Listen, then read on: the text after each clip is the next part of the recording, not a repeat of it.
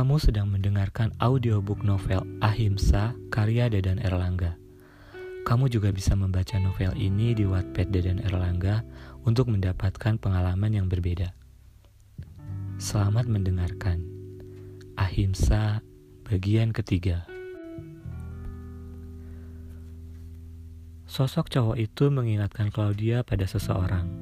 Bertubuh tinggi dan tegap, berbahu lebar, serta bersuara berat dan pertemuan mereka di toko buku sore itu seperti adegan film yang diulang sekali lagi dengan karakter cowok berbeda yang sekilas terlihat sama. Setelah Claudia berterima kasih atas bantuannya merapikan buku-buku yang terjatuh dari rak, cowok itu pergi entah ke mana.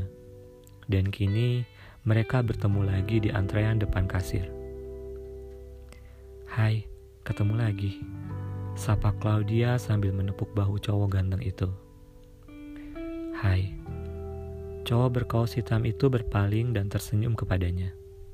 Senyum asimetris yang menggemaskan. Mau duluan? Claudia menggeleng. First come, first served. Oke, okay, angguk cowok yang Claudia belum tahu namanya itu. Dia lantas melirik kantong belanjaan Claudia yang berisi tiga novel dan sebuah buku pelajaran SMA. Ngeborong nih. Claudia mengangguk, lalu menatap sebuah buku yang ditenteng cowok itu. Lo anak perfilman. Melirik buku How to Make a Short Film in Seven Ways di tangannya, cowok itu lantas menjawab, Bukan, gue anak di kafe yang tertarik sama dunia perfilman.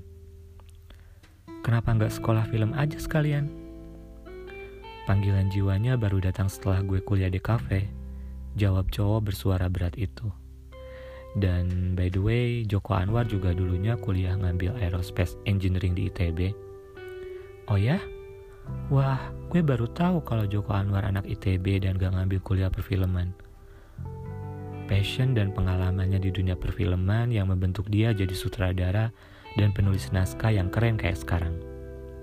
Hmm, I see, angguk Claudia.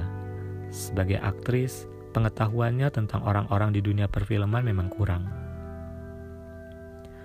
Lo pernah casting buat filmnya Joko Anwar?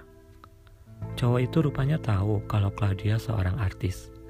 Meski sudah membintangi lima judul film layar lebar dan 8 FTV, Claudia tidak serta-merta dikenal masyarakat sebagai aktris karena belum pernah mendapatkan peran utama. Wajah dan nama Claudia Amanda mungkin sedikit lebih familiar di kalangan para pencinta film seperti cowok itu. Belum, jawab Claudia. Hmm, next time lo mesti coba. Sayang banget bakat dan kemampuan akting lo yang bagus itu jadi nggak worth it cuma karena lo main di film-film sampah. Ups, sorry, maksud gue Claudia tertawa. Gak apa-apa, gue suka kejujuran lo. No offense ya, gue gak ngatain acting lo, tapi filmnya emang sampah. Lanjut cowok yang semakin lama semakin menarik itu. Well, menurut gue, aktris yang bagus kalau main di film yang bagus, hasilnya bakalan jauh lebih bagus daripada aktris yang bagus tapi main di film, sorry to say, busuk. Dan terbukti, penampilan lo di film Cinta Akhir Pekan bener-bener keren banget. Bahkan, lo lebih keren daripada Zevanya Putri. Jangan lebay deh, Claudia terkikik. Baginya, Zevanya Putri bak seorang permaisuri di kerajaan perfilman Indonesia. Sedangkan dirinya hanya dayang-dayang istana. Terima kasih ya buat pujiannya. Tapi lo gak perlu bilang gitu cuma karena lo gak enak udah ngatain film-film gue sebelumnya sampah. Gue jujur kok, seperti yang tertulis dalam review film Cinta Akhir Pekan di akun Instagram gue, lo layak buat masuk nominasi aktris pendukung terbaik tahun ini. Claudia mendapatkan cukup banyak mention di media sosial terkait film Cinta Akhir Pekan usai gala premier tiga hari yang lalu.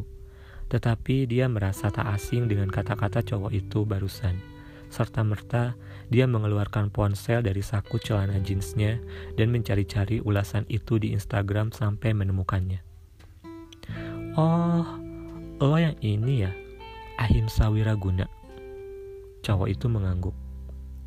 Gue fans baru lo. Wajah Claudia merona dan menghangat. Baru kali ini dia merasa sangat tersanjung dan bahagia karena diidolakan seseorang atas kemampuan aktingnya dalam sebuah film.